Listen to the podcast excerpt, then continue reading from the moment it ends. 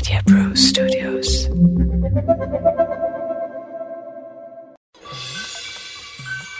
दूसरा के मूर्ख बना के ठगे वाला अपना आप के सबसे बड़का चालाक बुझल लेकिन कब्बो कब्बो उन्हों से ज़्यादा चालाक उनका भेटा जाला और उन्हीं के ठग लेला Big FM Podcast. नमस्कार, प्रणाम, हम हैं आरजे चोखा, और रउआ सुन रहल बानी गोनू झा के गुदगुदाते किस्से। जे हमें, आज हम रउआ के सुनाए कहानी, गोनू झा और पड़ोसी के बछड़ा। गोनू झा का एगो पड़ोसी रहल उनकर नाम गोनौरा रहल।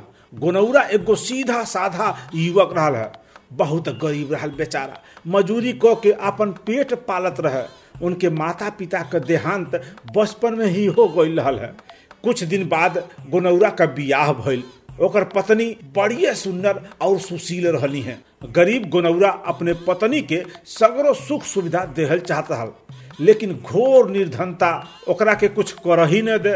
यही सोच में वो दिन ब दिन दुबरात चली गई एक दिन उनकर मोलकिन पूछी रहलिन कहा जी रउआ कौना सोच में हरदम डूबल रही ना गोनौरा बड़ा उदास होके बोलने सोना, हम हरदम तोहरा ही बारे में सोचिला। हम तोहरा के कोनो सुख ना दे पा रहल बानी हम तोहरा सुंदरता के गहना से, वस्त्र से, जेवर से ना सजा पा रहल बानी तोहारी सौंदर्य, तोहार खूबसूरती, जौने चीज़ के हकदार बा उ हम तोहरा के दे ना पा रहल बानी इतना दुखी होके गोनौरा बोलत गईले उनके पत्नी बड़े ही प्रेम से कहली का जी का कह रहल बानी?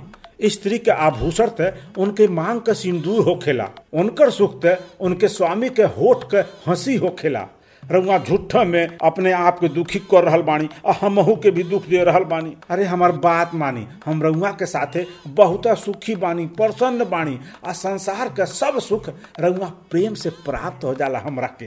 गोनौरा अपने पत्नी के बाती से थोड़ा सा संतुष्ट भइले।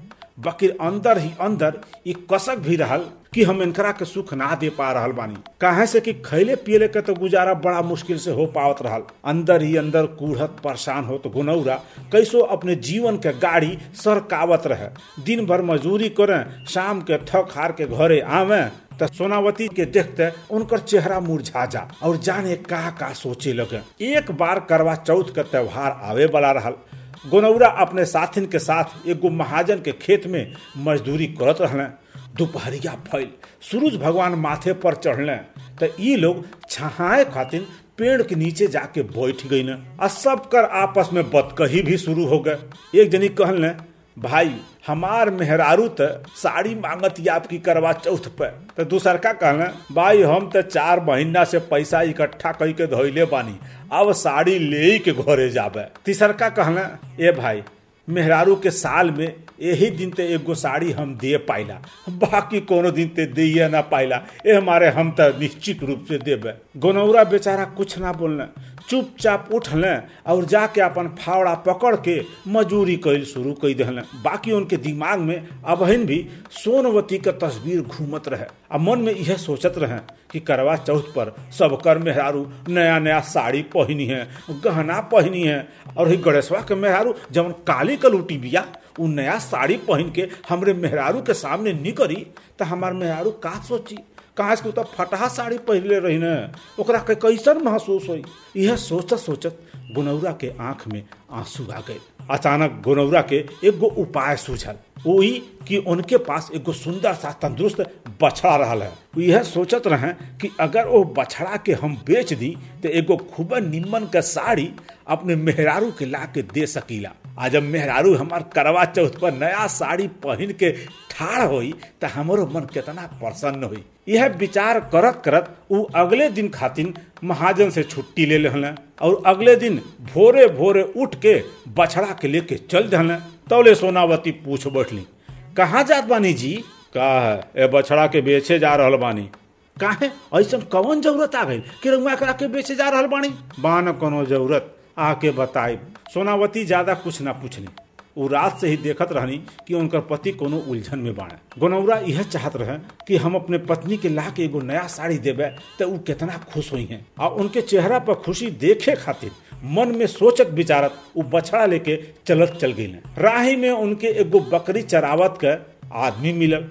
वो आदमी गोनौरा के देखल और कहले, अरे भाई, ई बकरा लेके कहा जा रहा बाड़ा? गोनौरा कहले तोरा आँखी में खराबी हो बा का? इतना सुंदर और तंदुरुस्त बछड़ा लेके हम जा रहल बानी। आ तू कह रहल बाड़ा कि बकरा लेके जा रहल बा? अरे खराबी हमरे आँखी में ना। तोहरे दिमाग में लागत बा। साफ़ साफ़ दिख रहल बा कि ई बकरा है। तू कहीं भाँग त ना पियाइल बड़ा। गोनौरा उलझन में पड़ गए उ सोचे लगल। आगे, पीछे, ऊपर, नीचे, बछड़ा के निहारे भी लगल। गड़ेरिया फिर बोलल। लाग रहल बा कि हमार बात तहरा के झूठ बुझा रहल बा। अच्छा अब हमारे साथे चला। आगे केहू मिली तो ओकरा से पूछ लिहल जाई कि बकरा है कि बछड़ा है? गुनौरा धीरे से कहला हाँ हाँ चला। शंका खुदे दूर हो जाए गड़ेरिया और गुनौरा बछड़ा के लेके आगे चल दिहले कुछ दूर चलने पर एगो बूढ़ा आदमी हुक्का गुड़गुड़ावत के भेटाइल। ई लोग कुछ कहें, उ पहले ही बोल पड़ल, का भाई, ई बकरा लेके कहाँ जा रहल बाड़ा? अब गोनौरा के तो कोनो शक ना रह गई कि ओकर बछड़ा कोनो भूत प्रेत के साया में आके बकरा बन गइल। तब तक गड़ेरिया बोल पड़ल, ई बकरा बेचत बड़ा, हमारे पास चार गो बकरी बाणी एगो बकरा भी रहल ज़रूरी है न? तू अगर दा तो हम खरीद ली, आ अब तो तू बूझ गई बड़ा कि बछड़ा ना बकरा है, ई बूढ़ा आदमी झूठ थोड़ी बोली। गोनौरा उदास होके बोलने, तू ठीक कह रहा बड़ा तो का, बेच बा? हाँ बेच ही लेकर निकलल रहनी है। बोली, का दाम दे देबे? साठ रुपया देबे। ठीक बा, दे दी। फिर उ गरेड़िया बूढ़ऊ के तरफ़ देख के कहले, का बाबा, साठ रुपया ठीक रही न? हाँ भाई, ठीक है बा, लेकिन शून्य का कोनो कीमत ना होला। कोनो मतलब ना है। ये हमारे साठ में से शून्य निकाल के बाकी इनकरा के दे दा। फिर तो बचल छह रुपया, आ उ छह रुपया गड़ेरिया गोनौरा के पकड़ा दहले। ई का? गोनौरा तो हक्का बक्का रह गई न। गड़ेरिया फिर तुरंत बोल, अब रख ला भाई, जा अपने घरे बूढ़ऊ भी बोल पड़ल हाँ हाँ सौदा तो हो ही गई बा अब जा, लोगन हटा, अपन अपन काम करा। अब मोर्दे का काम ज़ुबान दे के पीछे बुड़ल थोड़ी ही है। अरे पा गईला अपने घरे जा। गुनौरा छह रुपया लेके दुखी मन से अपने घर के ओर चल दहले उ का जानत रहले कि दू गो ठग बड़ा चतुराई से उनकरा के ठग लेहले गुनौरा बुरी तरह टूट गई बस ज़ोर ज़ोर से रोवे के मन करे, लेकिन बेचारा रो ना पावे। कैसो भागत भागत अपना घर पहुँचना आ पस्त होके बैठ गई सोनावती एलिन का जी का भइल? कैसन उमा दिख रहा बाणी? इतना थकल थकल काहे बुझा रहा बाणी? का बात ही है गुनौरा के धैर्य के बाँध टूट गई। वो बच्चन के तरह बिलख बिलख के रोवे लगल। सोनावती एगो बच्चा के तरियन अपने पति गुनौरा के बाही में भर लेनी का भइल जी? रुमा कुछ बोलत का नहीं बाणी बताई का बात है? तब गुनौरा सगरो बात सोनावती से बता देना सोनावती अपने पति के प्रेम पर बलिहारी हो गई और उनकरा भोलापन पर मुस्कुरेलिन भी। वो जान गलिन कि उनके पति के ठग ठग लेले बाड़े उनके मन में विचार आयल कि भाई, अब तय गोनू झा से मदद मंगही के चाही। फिर अपने पति से कहली रउआ फिकर न करी जी।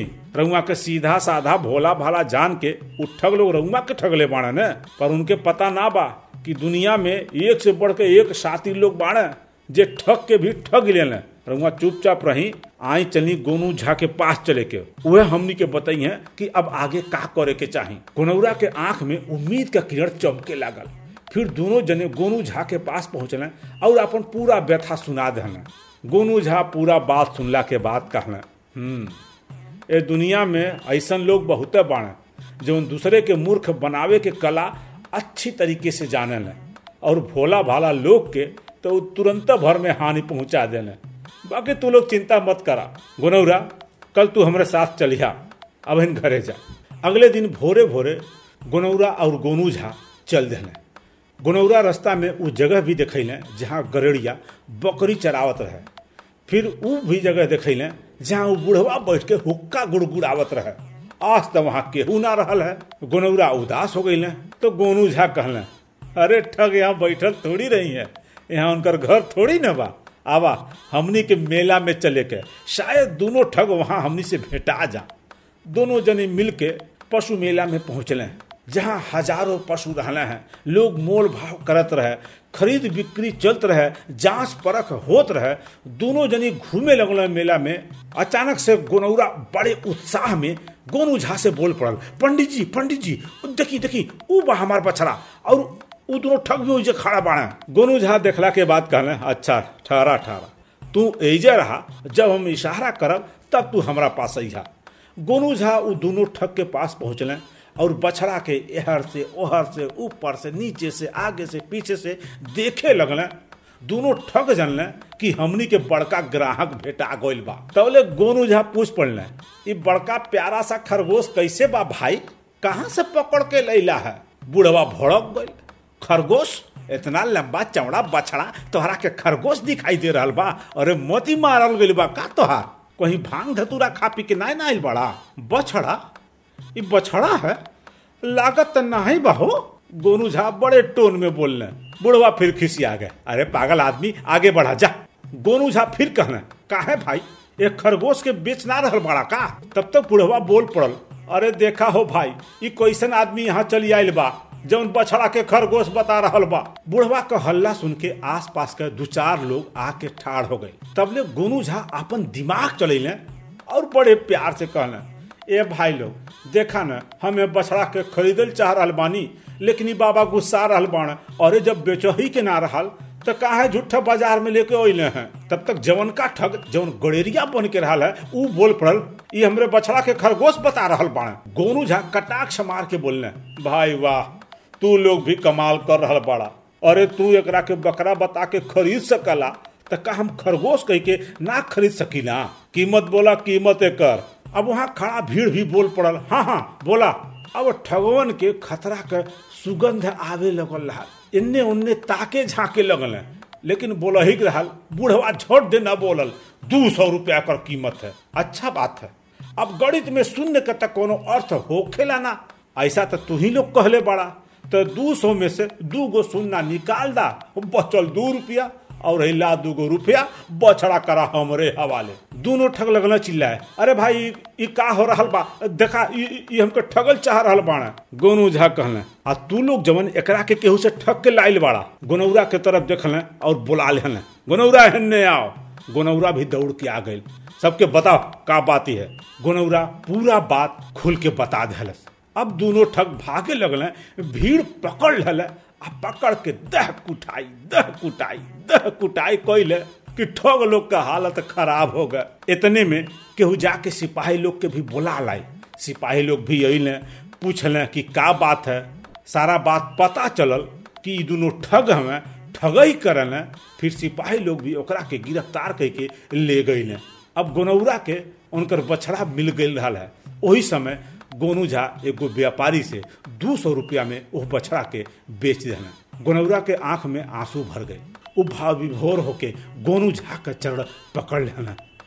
फिर दोनों लोग गाँव के तरफ़ वापस चल पड़ना।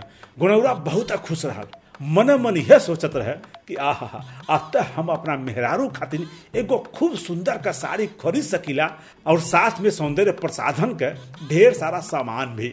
सोनावती जब जन्नीन की गोनू झा के कृपा से उनके बछड़ा मिल भी गई और अच्छा दाम में भी बिक गई तो उन्हों के बहुत खुशी भई और अब दीदी, बहनी, देवरान, जेठान, चाची, फाची सबसे जाके गोनू झा के तारीफ़ करत रहनी। तो ये रहल एक तरफ़ ठग और दूसर का तरफ़ गोनौरा के अपने पत्नी के तरफ़ प्यार भरल कहानी। यही के साथ गोनू झा और पड़ोसी के बछड़ा का कहानी समाप्त हो रहा बा। अगली कहानी में फिर हुई मुलाकात जिसमें कुछ संदेश हुई। कुछ हँसी मज़ाक हुई, आ कुछ प्यार भी छुपल हुई। अब हम चल रहा बानी, नमस्कार। रहुआ सुनत रही आर जे चोखा का बिग एफ़ एम पॉडकास्ट